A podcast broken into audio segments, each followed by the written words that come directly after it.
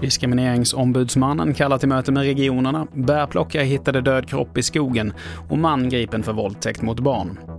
Det här är TV4-nyheterna där vi börjar med att berätta att Diskrimineringsombudsmannen kommer att kalla regioner och ett antal stora privata vårdgivare till samtal efter en granskning som publicerades i DN tidigare i veckan. Vi hör Lars Arrhenius som är diskrimineringsombudsman. Nästa steg för oss är ju då att ta ställning till om vi ska då inleda en mer nationell tillsyn.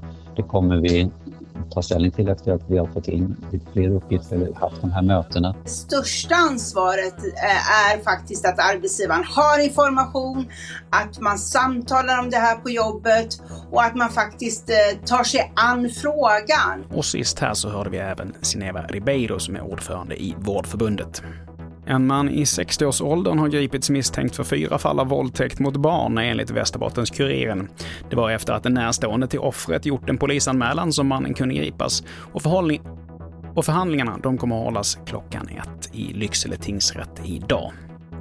Och vi fortsätter med att berätta att igår kväll så inträffade två åldringsbrott på kort tid i Skänninge, det rapporterar Aftonbladet. Vid båda tillfällena så fick offren först ett telefonsamtal där de blivit upplysta om att deras brandvarnare behövdes bytas ut.